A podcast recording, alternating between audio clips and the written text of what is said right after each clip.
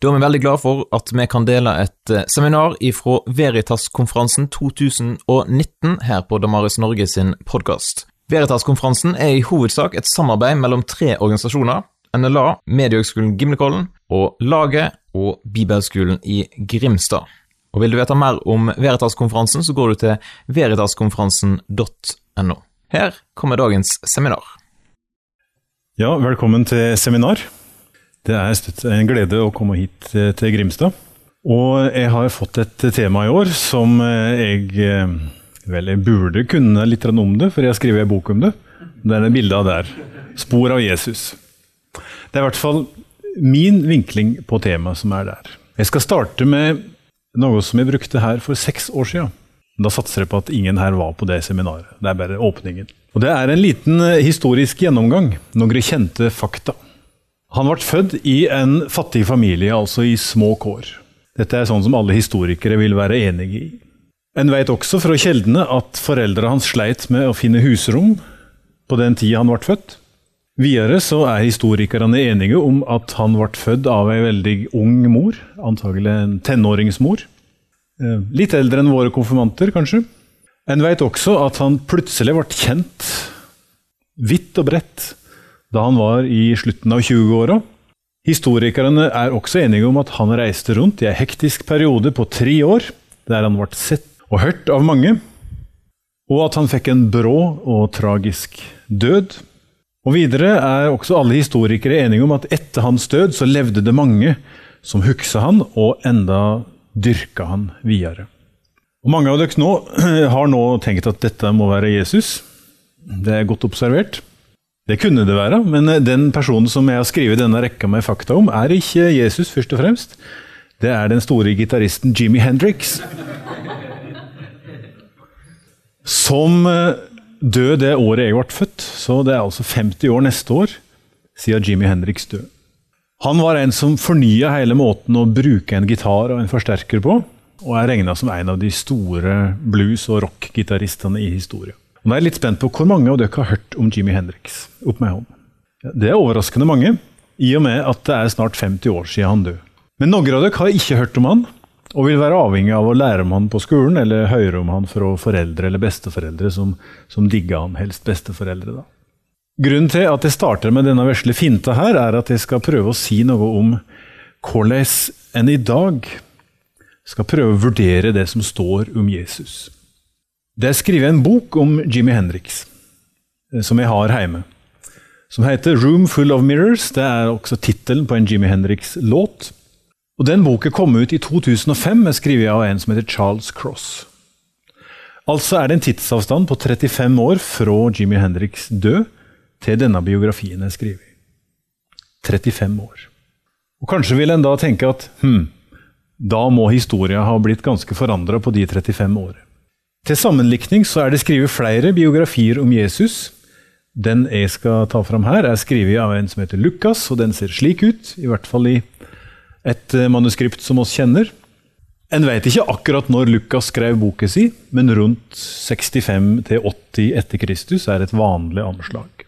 Altså har oss to personer, født med nesten 2000 års mellomrom, der er de forskjellige, men de er like på den måten at biografien om dem er skrevet litt mer enn en generasjon etter at de døde. Hvorfor stoler dere oss da mer på opplysningene om Jimmy Hendrix enn om Jesus fra Nasaret? Vi skal sammenlikne disse biografiene litt. Jeg har snoka litt eh, på nettet, jeg gjør det av og til, og eh, har funnet fram til at det er skrevet bokanmeldelser og omtaler på nett om boken boka om Jimmy Hendrix. Hvordan ble den vurdert? Hvordan ble den vurdert da hun kom i 2005, 35 år etter Hendrix var død? Jaha, Publishers Weekly skrev at det alt fantes mange biografier om Jimmy Hendrix på det tidspunktet Kloss skrev sin bok i 2005. Hvorfor skriver han da en ny bok? Det måtte være et eller annet. Han tenkte han skulle fylle ut bildet av Hendrix på en eller annen måte. Men han er altså ikke først. Og da spør jeg dere, ringer det nå ei bjelle om et bibelvers i Det nye testamentet der det står noe lignende om Jesus? Er det ingen som tør å si noe? Du tør. Det i går. Lukas 1, ja. Ja, Har du hørt det i går? Ja, han hadde med seg i går Aha. Glimrende. Det er mange som har prøvd å gi framstilling til det som har blitt oppfylt om Jesus. Det er første likheten. Lukas skriver ikke første biografien. Det andre er at om boken til Cross så blir det skrevet at sjøl om andre har skrevet før, så skriver Cross enda bedre. Han skriver Han både har granska stoffet bedre, og han har, har altså rett og slett forma det litterært forma stoffet bedre. Det samme skriver Lukas i innledningen til sitt evangelium. Han har granska alt vel fra først av, og nå vil han skrive det ned i sammenheng.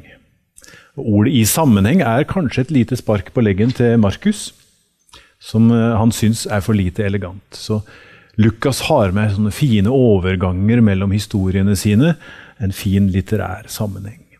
Det er den andre likheten. Den tredje er at boken til Cross bygger på primærkjeldo. Altså, han har intervjua folk som kjente Jimmy Hendrix, også familiemedlemmer.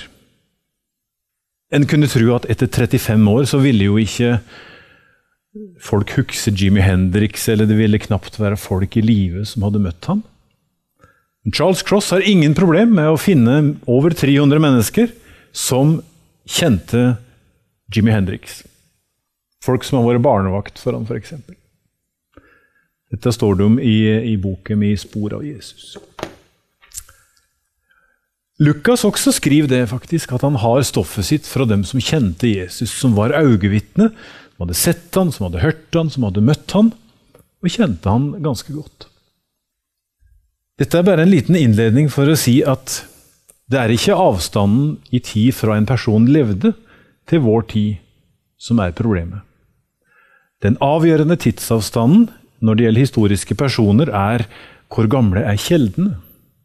Hvor lang tid gikk det fra personen levde, til en har spor av den personen i historia, f.eks. i bøker, som boka til Lukas. Og Av de tre likskapene vi har sett nå, så ser vi at Lukas har jobba akkurat som en moderne biograf. Akkurat som Charles Cross, og gått til de beste kjeldene han kunne. Jeg har et sitat i starten av min bok som heter Vi har krateret, men ikke meteoren. Det er en uh, forsker som heter Ben Witherington, som da sier at vel, Jesus er som en lysende meteor. Som lyste opp i si tid, for over himmelen, men i dag har oss bare nedslaget der han trefte bakken. Men det mener han at oss har jo ikke tilgang til personen Jesus nå. Vi kan ikke intervjue han, f.eks. Men han har sett så mange spor i historien at det går an å si en del om han likevel. For et krater vil avsløre hvor stor en meteor var, hvor fort han gikk, hvor til vinkel han trefte atmosfæren med, og hva innholdet i meteoren var. Og Jesus har sett talløse spor. Det er i grunnen bare å ta en gjennomgang av europeisk kulturhistorie, så finner du spor av Jesus overalt. F.eks. maleria til Caravaggio, nedtagelsen av korset. Hva hadde europeisk kultur vært uten Jesus? Hva skulle Bach ha skrevet sine kantater om? Hva skulle kirkekunsten ha handla om? Ja, han ville en hatt ei kirke i det hele tatt. Navnet Jesus har spredd seg over hele jorda, i kirker i egentlig alle land i verden. Summe av dem hemmelig, så blir Jesu navn lovprist. Bøkene om han er nå omsett til over 3000 språk. Så Jesus fins overalt. Før var han egentlig et slags europeisk fenomen. At han fantes mest i ja, Europa og Nord-Amerika. Men i vår tid har det skjedd et skifte. En eller annen gang på første halvdel av 1980-tallet så vippa tyngdepunktet i den kristne verden. Da var det flere i det som en del kaller to tredjedelsverden. Altså alle de andre landene enn i Europa og Nord-Amerika. Så nå er det flere kristne i Asia, Afrika, Sør-Amerika, Oseania til sammen enn det er i Europa og Nord-Amerika. Ja, eh, det siste jeg har hørt fra kollegaer i Bibelselskapet i Kina, er at de regner med at på en vanlig søndag så er det flere mennesker til gudstjeneste i Kina enn i Europa og Nord-Amerika til sammen. Så det har vippa. Nå er det oss som er rare, som er en utkant til kristenheten. Men Jesus fins altså overalt. Når begynte en å fortelle historien om Jesus? Den tror jeg må ha starta innen kort tid. En som heter James Dunn, en av verdens fremste forskere på Jesus, han sier oss, oss kan være sikre på at denne tradisjonen, altså overleveringa av at Jesus død på krossen og sto opp fra de døde, den kan ikke ha oppstått 50 eller 100 år etter Jesu tid. Den må ha inn, oppstått innen noen måneder etter Jesu død. For En finner spor av trua i mennesker som reiser, som Paulus som drar til Damaskus for å arrestere de kristne, alt på 30-tallet etter Kristus. Kanskje kunne vi snevra inn dette og sagt at det må ha skjedd innen ei uke, ei uke. For kristne har alltid levd i denne her rytmen at når du kommer til den første dagen, som er søndag, som det står om i Bibelen, da kommer en sammen for å feire det som skjedde. Og Den første feiringen finner oss i Det nye testamentet, den første søndagsfeiringen. Når Jesus har stått opp fra de døde, og det går sju dager, så dukker samme ukedag opp på nytt. Og oss mennesker har det i oss at da skal det markeres, da husker oss det som skjedde sist.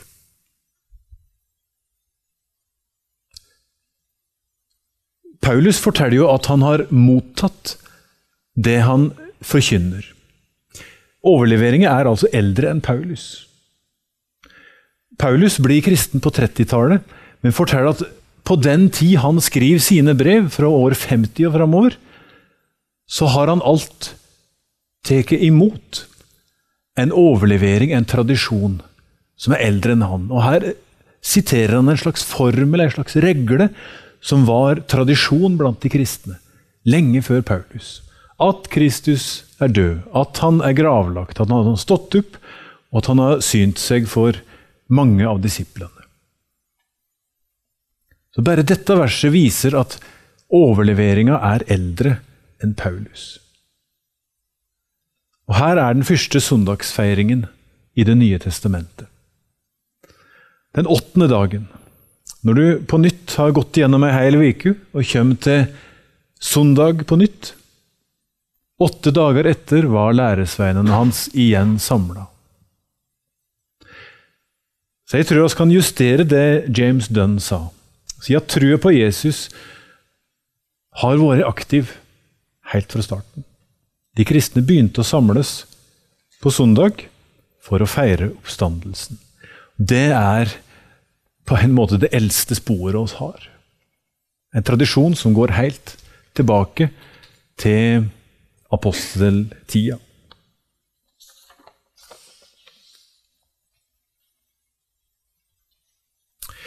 Og Det driver oss med enda i dag. Kraften i søndagsfeiringen er så sterk at den lever enda videre. Den er så sterk at den til og med drog over hviledagen fra den jødiske sabbaten til søndagen på et historisk tidspunkt.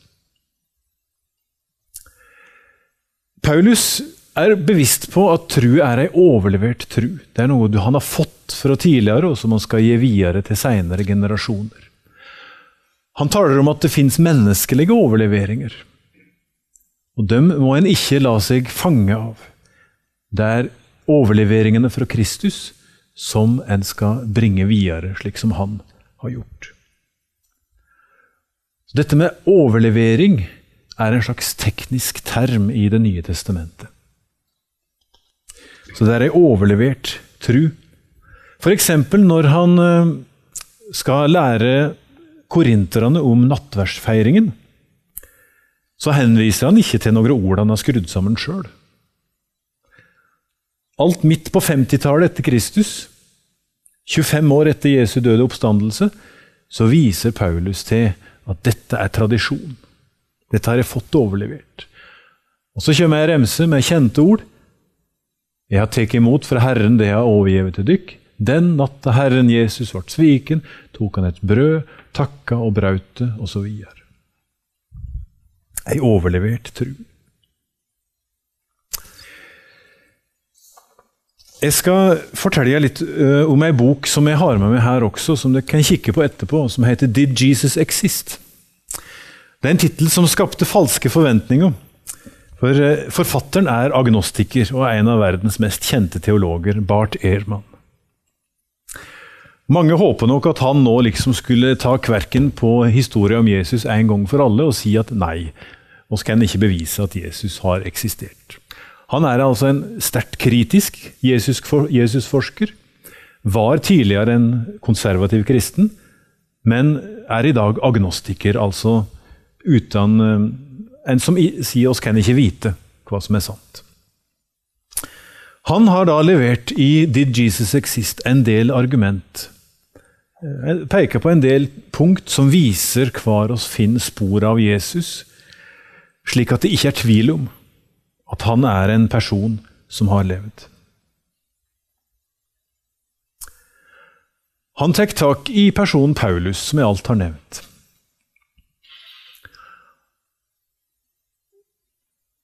Paulus, eh, Erman regner det som sikkert at Saulus, som han het før, eller Paulus, som var det nye navnet, hadde ei eller annen sterk oppleving. At han opplevde et eller annet på veien til Damaskus som forandra han totalt. Det er det det står om i apostelgjerningene 9. Han betviler ikke at det skjedde. Og På den tida så fins det alt kristne i Damaskus, som jeg sa. Han er jo på vei dit for å arrestere dem. Ei tid etter denne omvendingen så forteller Galaterbrevet at Paulus drog til Jerusalem. Også dette fester agnostikeren Erman lit til. Han sier altså ingen grunn til å tvile på dette. Her skjer det ei overlevering av kunnskap om Jesus i et møte mellom tre personer. Det er Paulus som oppsøker de første kristne lederne i moderkirka i Jerusalem. Der møter han Kefas, som er et annet navn på Peter. Apostelen Peter. Simon Peter. Og han nevner at han også treffer Jakob, bror til Jesus, Herrens bror. Dette er ikke hvem som helst han oppsøker. Altså, Paulus er nettopp omvendt til kristen tro. Han har vært tre år i et landskap som heter Arabia. Vært blant de kristne der. Det er litt sør i Syria.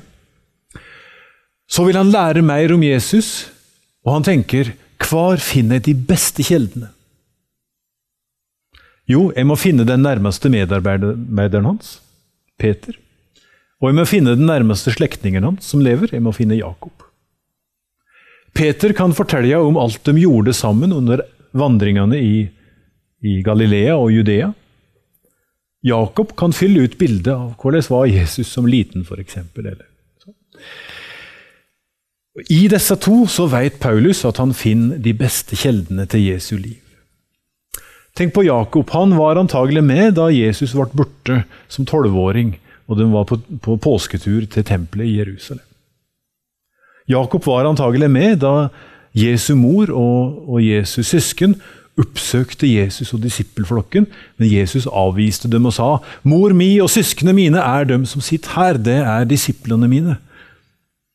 Kanskje Jakob var med og støtte mor si gråtende bort etter det møtet der. Han oppsøker altså de beste kjeldene, Paulus. Og Bart Ehrmann, vår kritiske bibelforsker, sier at dette skjer rundt år 35 etter Kristus.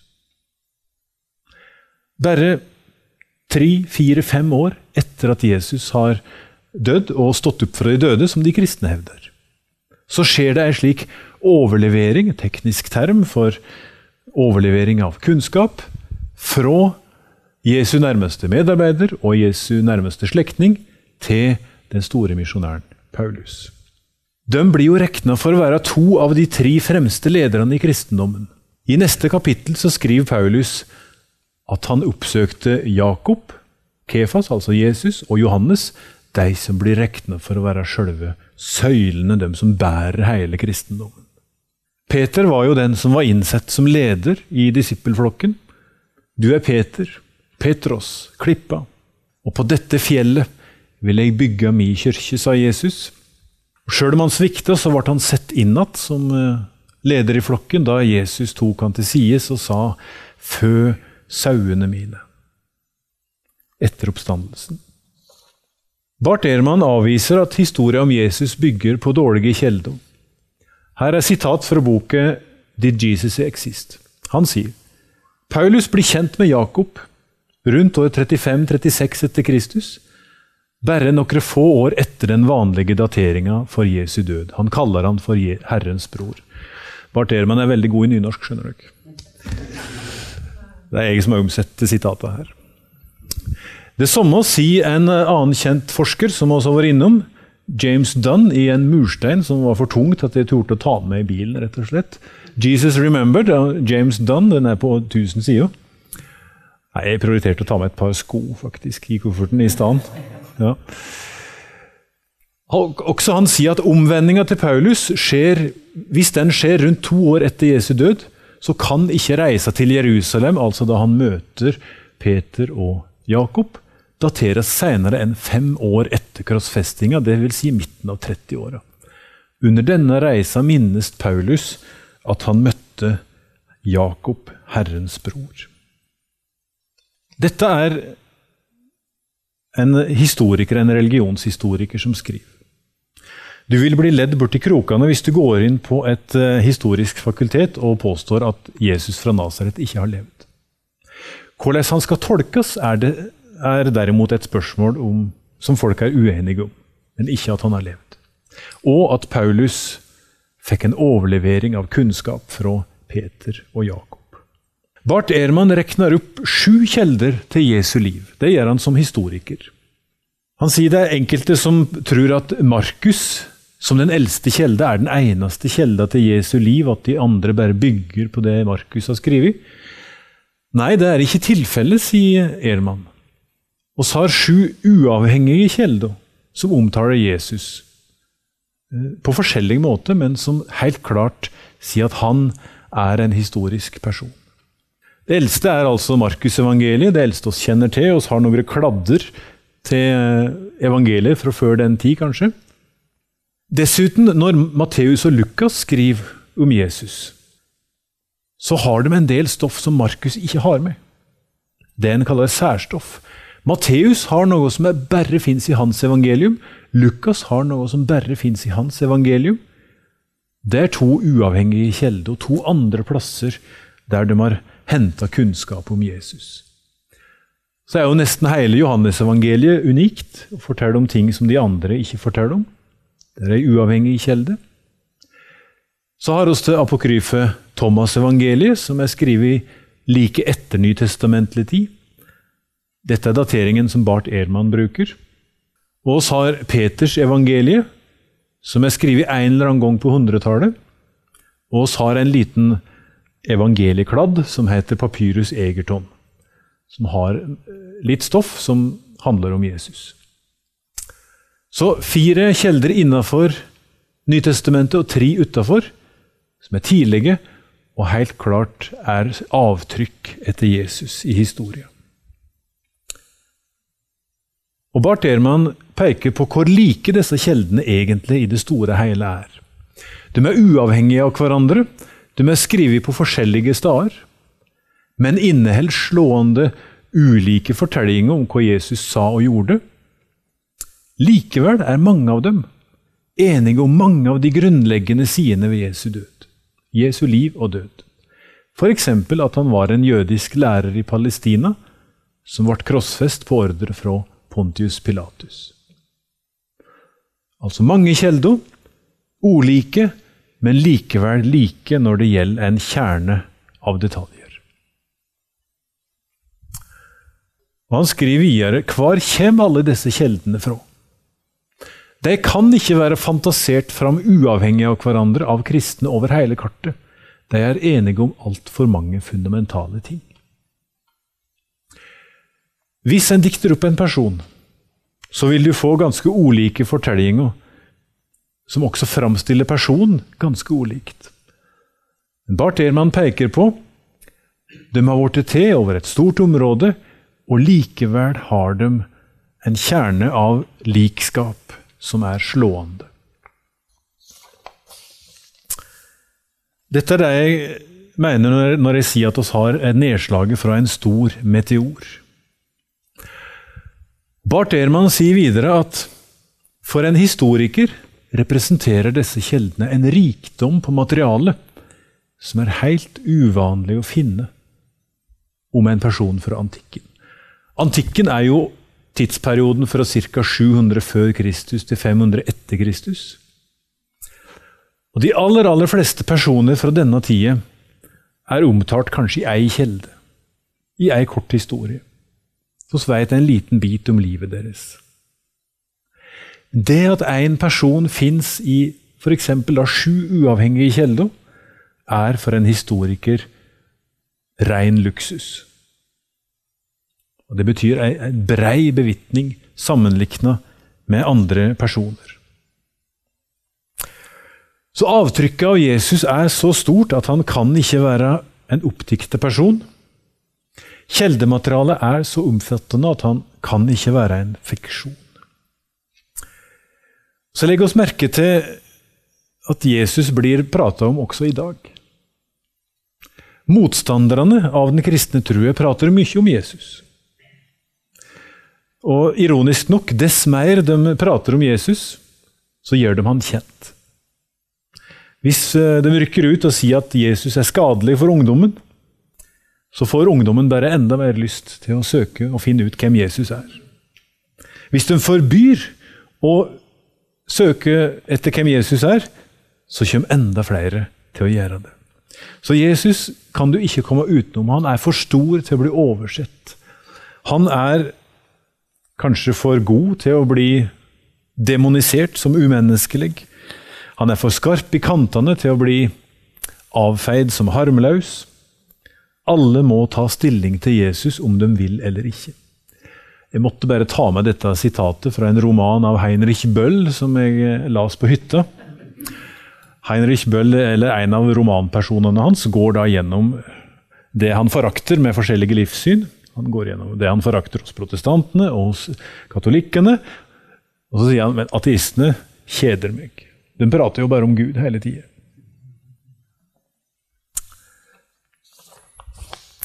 Vi finner nedslag av Jesus også i poesien. Dikteren Arnold Eidslott, som døde i fjor. Han har eh, mange dikt som er lagt i Jesu munn. Dette her er en del av et dikt som jeg syns er veldig flott. Og Hvis du ikke har lest Arnold Eidslott, gå og gjør det. Jeg har sett mine forfølgere gå i graven gjennom 2000 år, under lyset fra Golgatas tause høyde. Jeg er den eneste, eneste hvis ord aldri ble gjendrevet, og ikke ett av mine ord gikk tapt. Motstanderne av trua på Jesus lever i 70, 80, 90 år. Jesus er den eneste som ikke går til grunne. Hans ord blir aldri gjendrevet, hans ord går aldri tapt. Det er også en del av avtrykket etter Jesus. Det er kunsten og litteraturen.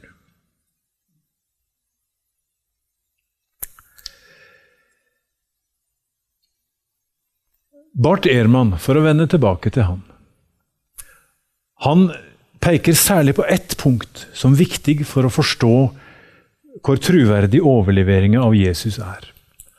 Og det er at det er jøder som forkynner en Messias som er hengt på en kross. Krossfestinga av Jesus er kjernen i budskapen til Paulus, skriver Erman, og er rikelig dokumentert i skriftene hans som noe av det, om ikke det, første han veit om Jesus. Det er det mest sentrale. Hvem ville ha dikta opp ideen om en krossfest Messias? Ingen jøde, som vi vet om. det er at denne trua oppstår i et jødisk miljø, der Messias er forventa å være en ny konge, er utenkelig hvis det ikke er sant. Hvem ville ha dikta opp Kommer på den ideen liksom, La oss finne på ei skikkelig bra tru som oss tror at mange av våre landsmenn, jødene, vil synes er fengende og bra. Ja. La oss henrette Messias med den mest grusomme metoden som romerne har. Det henger ikke på greip. Sier Bart Ehrmann, vår agnostikervenn. Så hva er det som har skjedd, da? Hvordan oppstår trua på Jesus? Hva er det første avtrykket? Hva er det som setter hele prosessen i gang? Da blir Bart Ehrmann taus. Han har nå skrevet 25 bøker, de aller fleste av dem handler om Jesus. Eller kristendommen, eller teksthistoria til Bibelen. Han har skrevet 25 bøker. Mange tusen sider. Men når han kommer til spørsmålet hva var det egentlig det starta med? Starta det med en misforståelse? Starta det med at de gikk til feil grav, eller slike ting? Så har han ingen teorier å komme med. Han bare sier 'Something happened'. Then something happened. Ehrmann ser på Jesus som en slags profet, at han var en endetidsprofet, en som gikk rundt og forkynte at snart går verden under. Men hvordan oppsto da trua på at denne mannen har stått opp fra de døde? Det sier han ingenting om. Noen av de kristne, eller noen av de som følgde Jesus, begynte å si at Gud hadde gripet inn og ført han tilbake fra de døde. Historia greip om seg, og noen, eller alle, vi vet ikke hvor mange, av de næreste etterfølgerne hans begynte å tro at han faktisk var reist opp fra de døde. Det er noen som begynner å tro men han aner ikke hva som har sett det i gang. Det er et svakt punkt, vil jeg si, i, i tankerekka til Bart Ehrman. Han sier det er en plass til i boka 'Did Jesus Exist'? Av en eller annen grunn, sier han, av en eller annen grunn begynte etterfølgerne til Jesus, eller i det minste noen av dem, å tro at han var reist opp fra de døde. Altså, Han er helt taus her. Han veit ikke hva som har skjedd. Men oss vil si at det må være noe veldig sterkt som har sett ei tru i gang, som får etterfølgerne hans til å gå i døden og bli martyrer, og la seg drepe i stedet for å fornekte truet. Så something happened. Et eller annet har sett det i gang. Hva er det?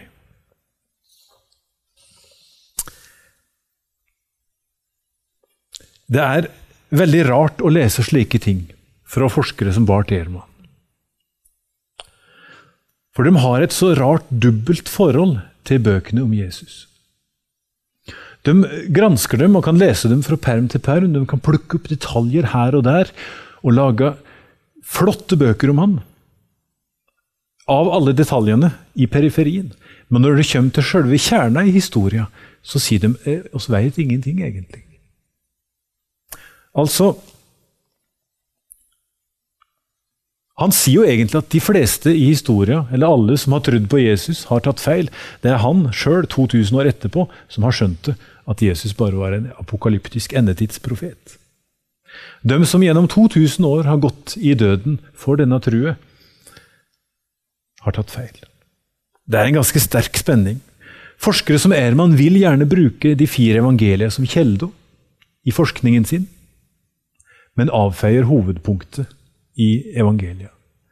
De vil gjerne skrive artikler om forskjellige detaljer i evangeliet, men nekter å ta stilling til hovedpoenget i boken. Det er veldig rart.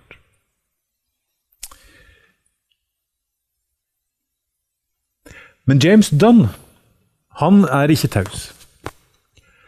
Han sier at denne overleveringen av historien om Jesus, som går trinn for trinn, helt tilbake til Paulus på 50-tallet, til han eh, møtte Peter og Jakob midt på 30-tallet, til Paulus sjøl ble omvendt år 32, 30, 33 kanskje.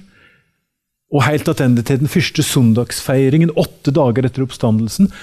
Hele denne overleveringa driver oss til den konklusjonen Det var et eller annet de hadde opplevd. Og det de hadde opplevd, det måtte være noe som hadde skjedd med Jesus.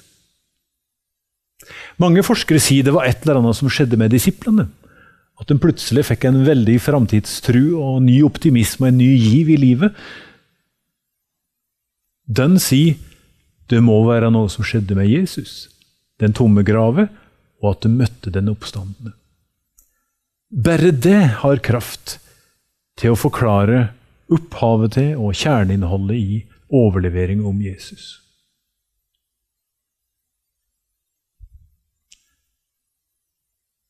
Trua på at Jesus hadde stått opp fra de døde, har vist seg å være den mest tilfredsstillende, den mest slitesterke av ei mengde med ulike forklaringer, skriver James Dunn. De andre forklaringene har vist seg å være utilstrekkelige til å summere opp avtrykket etter Jesus. Altså, det er bare dette som er sterkt nok til at denne trua kunne oppstå og overleve i så lang tid. Så det er altså den beste forklaringen på det avtrykket Jesus har sett, at disiplene må ha opplevd noe veldig sterkt, som de tolka som en oppstandelse. Når en gransker nedslaget etter meteoren, hvor dypt det er, hvor til fart meteoren hadde, og sånn, så er det altså dette som er den mest sannsynlige forklaringen. Det som skjedde, var Det må ha vært noe i historia om oppstandelsen. Vi har noe som er skrevet på norsk, som er veldig bra om dette her. I ei ellers utskjelt bok. Og Nå er antagelig jeg den første som eh, siterer i positiv forstand teologen Jakob Jervel her i Grimstad. Jakob Jervel var en eh, stor norsk teolog på Universitetet i Oslo. Han var kjent for å være en, en liberal teolog. Men han skrev en del vettugt om oppstandelsestrue. Og her er noe han skrev tidlig på 1960-tallet. Legg merke til hvordan han hele tida trekker inn historien vår som referanse, som bevis på at det må ha skjedd noe med Jesus. Det nye testamentet ble skrevet pga. troen på oppstandelsen, og hadde uten denne tro overhodet ikke eksistert. Mm. Han sier altså, det, oss hadde ikke hatt et Nytestamente hvis det ikke var noen som trodde på oppstandelsen.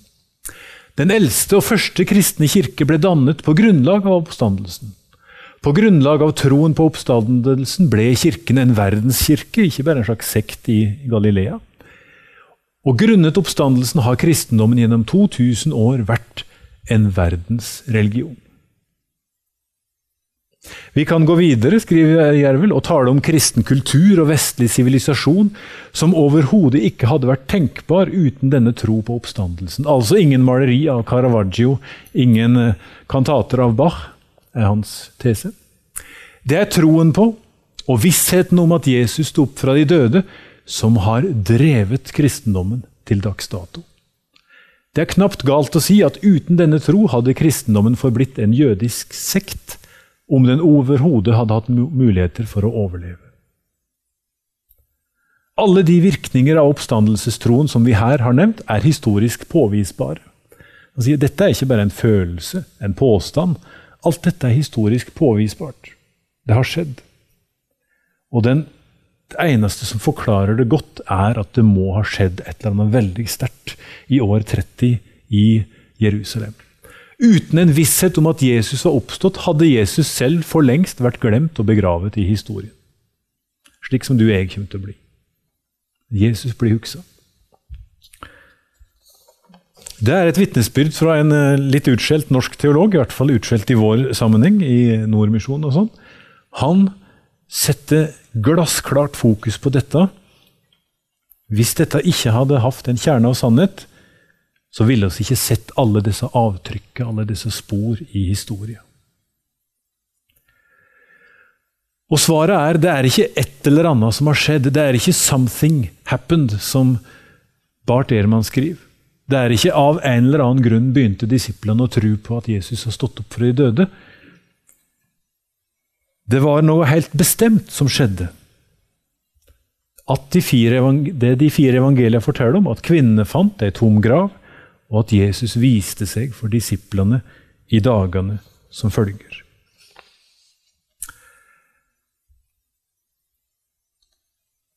En slags eh, følge av historien om Jesus er jo den en kjenner i sitt eget liv.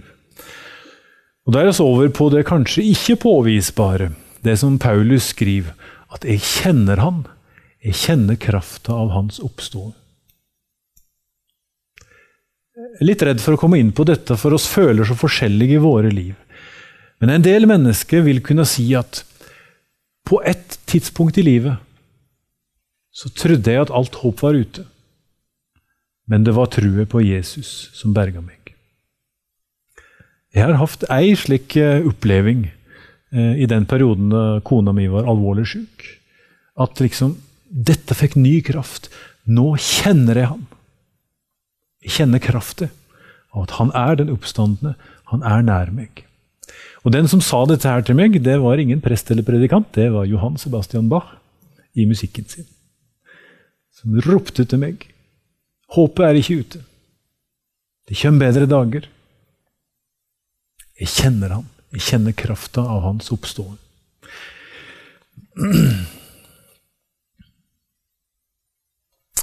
Jeg har vært inne på dette med at eh, forskere gjerne vil bruke evangeliet. Du kan bruke et helt yrkesliv på å skrive artikler og bøker om evangelia, men nekte å forholde seg til hovedinnholdet. Her er det en slags logisk brist for mange forskere. Altså, De gir seg gjerne nytte av alt det som evangelistene nevner bare i forbifarten. Alt som da er uh, circumstantial information, det som er perifer opplysninger, og forsker på det. Men det som er selve grunnen til at Markus og Lukas og, Peter, nei, og, og Matteus og Johannes skriver, poenget deres vil de ikke ta stilling til. Veldig merkelig logisk brist. Det er akkurat som du vil nekte å lese det som står med stor skrift, men bare det som står med liten skrift. Det er som å bare lese bisetningene i en roman, men utelate hovedsetningene. Det er som å kaste gåva, men ta vare på innpakningspapiret.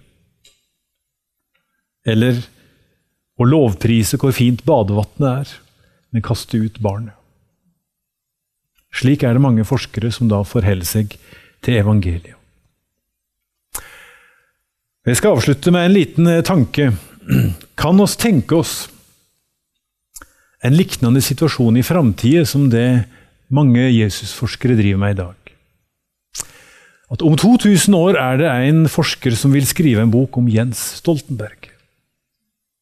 Han har du hørt om, ikke sant? Ja, fint. Jeg er glad for det. Og Forskeren siterer flere biografier og bøker fra 2000-tallet, fra 2017, 18, 19, 20, 25, 2030 f.eks. Bøker der Jens Stoltenberg blir portrettert eh, som en stor politiker og statsmann. Og Denne forskeren er rundt år 4000. Han leser disse bøkene, han vurderer dem, han ser at det blir ført sterke argument i bøkene for uh, hva Jens Stoltenberg var, hva han dreiv med, hva slags oppfatning han har, hva til politisk side han hørte til på. Men denne forskeren om, rundt år 4000 konkluderer på en annen måte. Han sier at 'jeg tror at de tok feil, de som først skrev om uh, Jens Stoltenberg'. De tolka han helt feil. Men jeg har skjønt det. Sjøl om alle biografiene fra hans eget århundre framstiller han som en markant eh, arbeiderpartipolitiker, så har jeg nå, rundt år 4000, skjønt at han egentlig var høyremann.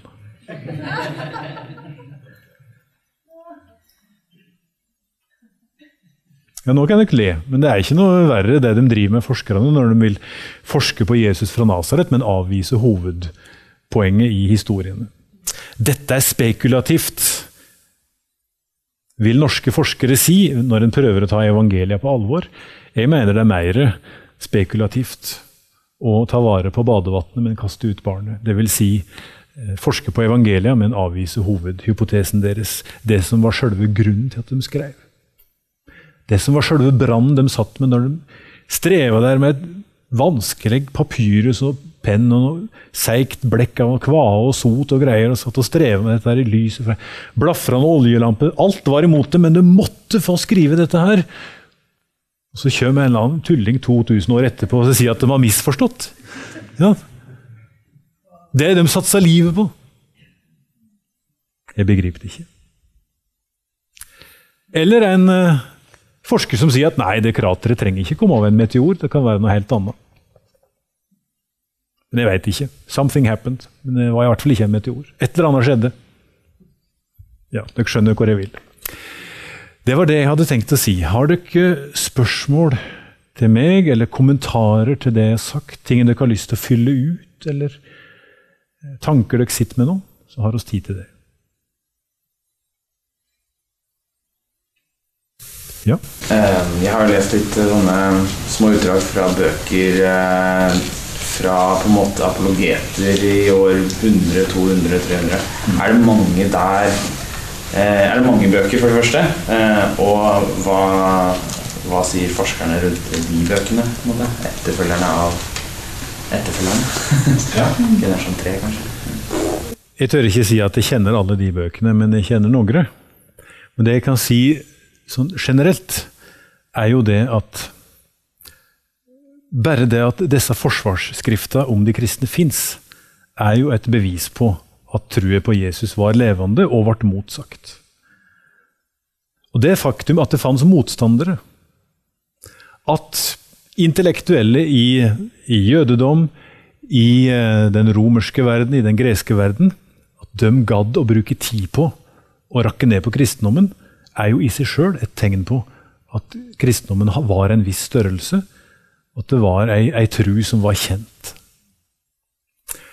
En av de vanligste innvendingene var jo mot eh, at folk syntes det var mistenkelig dette med de kristne gudstjenestene.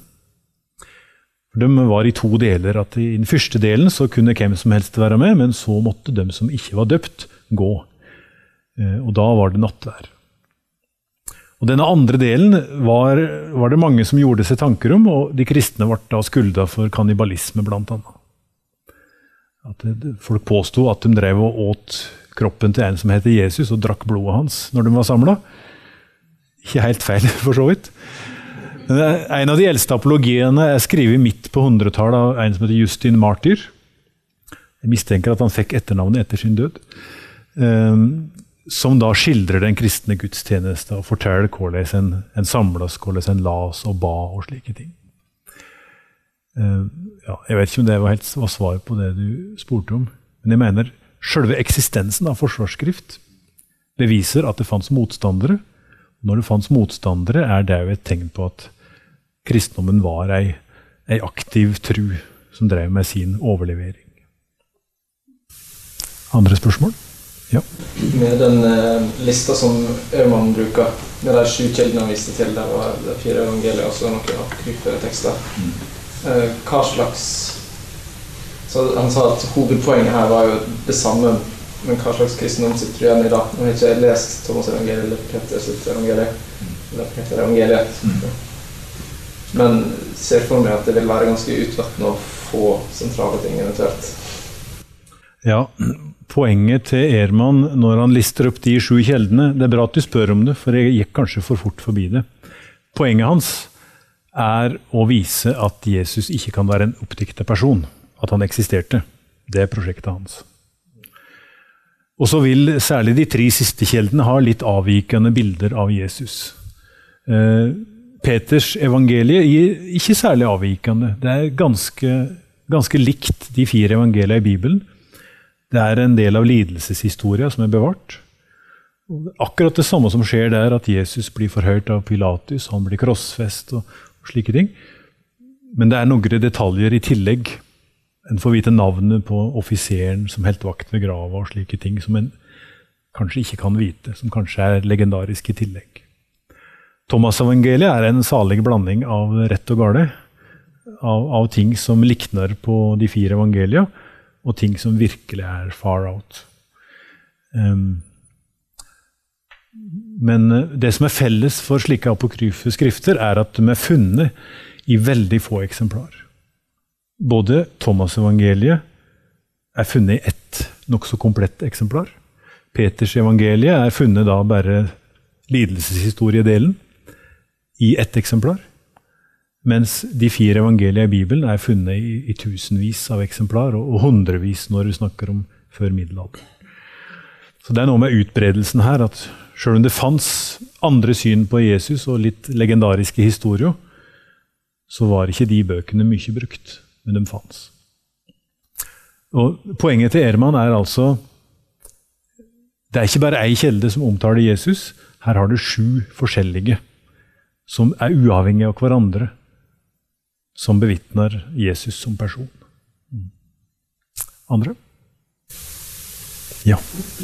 Altså når du eh, poengterer at eh, ja, hvorfor unngår forskerne det som er hovedkjernen? Hva tror du er grunnen til at de ikke vil forholde seg til det? Det må jo være en grunn, og ja. Ja, jeg blir fristet til å spørre deg jeg, jeg, Det aner meg at du har et svar på det. Nei, ja, jeg tenker jo at det, det er vel fordi at det er for umulig å tenke seg at en død mann står opp. Rett og slett. Altså at, og derfor så kan de ikke forholde seg til det. De, altså, man bekrefter troen, men man bekrefter ikke det de tror på. Ja, det Men, En forsker kan si vi kan bevise at trua på Jesus fantes. ja. Men om de hadde rett, da kommer du til personlig tru. Da. Ja. Nei, den er, nok, eh, den er nok redd for kanskje den personlige belastningen òg, med plutselig å stå fram i et eh, religionshistorisk miljø. Og, og sånn. Jeg bare syns at det er liksom inkonsekvent. Hvis du skulle skrive en oppgave over eh, Per Gynt og nekte å ta stilling til handlingen, men bare skrive skrive om eh, detaljer i, i landskapet i Nord-Gudbrandsdalen som du kan finne i Besseggen og slik. Da har du på en måte mista poenget med boken. Det er som Ibsen eh, ja, Nok om det. Mm. Dere merker at jeg har det med å gi lange svar på korte spørsmål. Men eh, du har rett til. Ja, det er mye, mye som er på en måte Det er litt mer generelt, men det handler fortsatt om hvordan han har satt spor, og det handler litt om læren, fordi vi snak, nevnte jo en liberal eh, teolog der, og vi nevner jo litt forskjellig, og noen vil eh, ty til tradisjon, og andre kommer med nyere forskning osv., og, så videre, og det er litt sånn vimsete.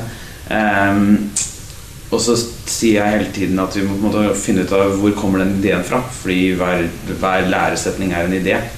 En tanke om hvordan ting i sannhet er. Ehm, og så lurer jeg litt på i hvor stor grad kan de sporene der, eller de læresetningene, spores tilbake til Jesus selv. Det er på en måte et sånt uh, sikkert livslandsprosjekt som blir da, for min del. Men det er jo um, for å på en måte vaske litt vekk hva, som, hva enn som har kommet av ideer i ettertid. Altså, vi vet jo at en del avlatsbrevet var jo tydelig en idé som kom mye, mye, mye, mye seinere. Altså, etter, I middelalderen og sånn. Eh, så det er en ting som vi kaster fra oss. Det er ikke en idé eh, vi bevarer nå, fordi den kom ikke fra apostlene selv, da, eller Jesus selv. Eh, men så er det jo så mange påstander, da, så det er litt sånn vanskelig å spore det tilbake. Jeg vet ikke Har du noen tanker om liksom, hvor kommer alle disse læresetningene fra? Hvordan kan man, er, det, er lett å spore de tilbake? er kanskje spørsmålet. Liksom Den apostoliske trosbekjennelsen, f.eks. Det er jo et, et veldig godt eh, Ja, Det er ikke så lett å svare på, men jeg vil si at det du skisserer, er et kjempeviktig arbeid. Fordi at over historien for Jesus så legger det seg mange lag som egentlig er ubevisste. Og så er jo, I Norge er det mange lutheranere ikke sant? som er vant til å, å ha Martin Luthers tolkning av, eh, av Paulus, f.eks. Og, og en, en leser alt med sånn lutherske briller. Og, og Da er det forfriskende å høre folk fra andre kirkesamfunn som leser de samme tekstene, og har en litt, litt annen nyanse på å forstå. Og så skjønner du at å ja, jeg leser det slik fordi jeg kommer fra min bakgrunn. Så Det er kjempeviktig. Og ofte så vil disse lagene som legger seg over Jesu ord, ha en sånn avvæpnende effekt. At radikaliteten i det med å selge alt og gi til de fattige ikke sant? Med å, Det du ikke gjorde mot en av disse mine minste, Nei, og så gjør det til et åndelig spørsmål i stedet. Det er alltid en tendens til å prøve å ufarliggjøre Jesus. Det er også et slags bevis på kraften i meteornedslaget. Eh, at alle har lyst til å ta Jesus til inntekt for sitt syn. på en måte. Vil ha Jesus på laget. Ja. Mm. Satt du og tenkte på noe, Tove? Jeg tenker alltid, vet du. Gjør ikke det, da. Nei, men jeg tror at når det gjelder eh, hvert fall har det vært sånn for meg at det som gjør at jeg opptar radikaliteten, det er å arbeide ordentlig med tekstene. Drive ordentlig eksegese, spørre, være nysgjerrig. Da skreller vi av en god del. Og kommer liksom litt mer ned på fjellet. Og da kan vi tror jeg også hjelpe til å avsløre de brillene vi leser tekstene med. De forutsetningene vi har med oss som vi ikke er bevisst. Og spør ja, hvorfor forstår jeg ikke jeg denne teksten mer radikalt? Eh, hva kommer det å være fordi vi rett og slett har blitt så vant til å leve som vi lever, og ha det så bra som vi har det, og ikke ta noe særlig omkostninger? Eh, skal vi ikke være rike og ha det bra og ha det bekvemt og Altså, vi vi forholder oss ofte Så jobb med tekstene, det tenker jeg er utfordringen jeg har, og jeg tror vi alle har. Da tror jeg det siste jeg sier, skal være å følge opp det med å si det som skiller Det, det som gjør at en, en, teolog kan jobbe enda dypere med tekstene, det er at en har lært grunnspråket av gresk og hebraisk. Så jeg vil utfordre dere som er i en alder der en kan velge utdanning, til å tenke skal jeg studere kristendom, teologi? Det trengs folk som arbeider i kirke og organisasjon. Det er stor mangel på arbeidere. Ehm, det er et fantastisk interessant studium. Jeg kom inn i det nærmest ved en misforståelse fordi Universitetet i Oslo rekna 16 poeng for lite på meg da jeg hadde søkt på fransk. Da tenkte jeg hjelp, jeg må finne et eller annet å gjøre. Så tok jeg kristendom årsenhet. ikke sant? Og mens jeg drev med det, så skjønte jeg at oi, hva annet kunne jeg drive med som er mer meningsfylt enn dette her? Å få lese Bibelen på det samme språket som Paulus satt og skrev med, eller profetene forkynte på. Kanskje ja, og Det har jo nettopp kommet en ny bibeloversettelse. da, Men det kommer en ny en i 2041 etter alle solemerker. Arbeidet med det tar 15 år, så vi må starte i 2026. Innen den tid er det noen som må ha tatt utdanning og øvd seg i bibelske språk og fått litt erfaring og prøve seg i noen prosjekt. ikke sant? Ute i verden så fins det mange språk som ennå ikke er omsett. Der òg trengs det norske bibelomsettere. Så det å studere kristendom, teologi, bibelske språk er en utfordring som jeg har lyst til å gi som, i dag. Takk for nå. Takk for gode spørsmål og samtaler etterpå. Også de bøkene jeg har eh, nevnt, ja, særlig den 'Did Jesus Exist', den ligger her hvis noen har lyst til å bla i den. Og så fins eh, min egen bok her også. Du kan spare deg jobben med å lese ca. 30 bøker med å lese denne her. Så. Jeg veit ikke om den fins på standen her nede, men jeg gjør det. Ok, takk for nå. Takk for at du lytter gjennom dette seminaret her. Og Skulle du ønske at flere fikk med seg det gode innholdet, ja, da kan du jo faktisk dele seminaret med noen, eller tipse dem om seminaret i sosiale medier. Vi setter jo veldig stor pris på om du har lyst til å skrive en anmeldelse av Damaris Norge sin podkast på de ulike podkastplattformene. Da hjelper det oss å løfte podkasten opp, sånn at flere får nytte av den.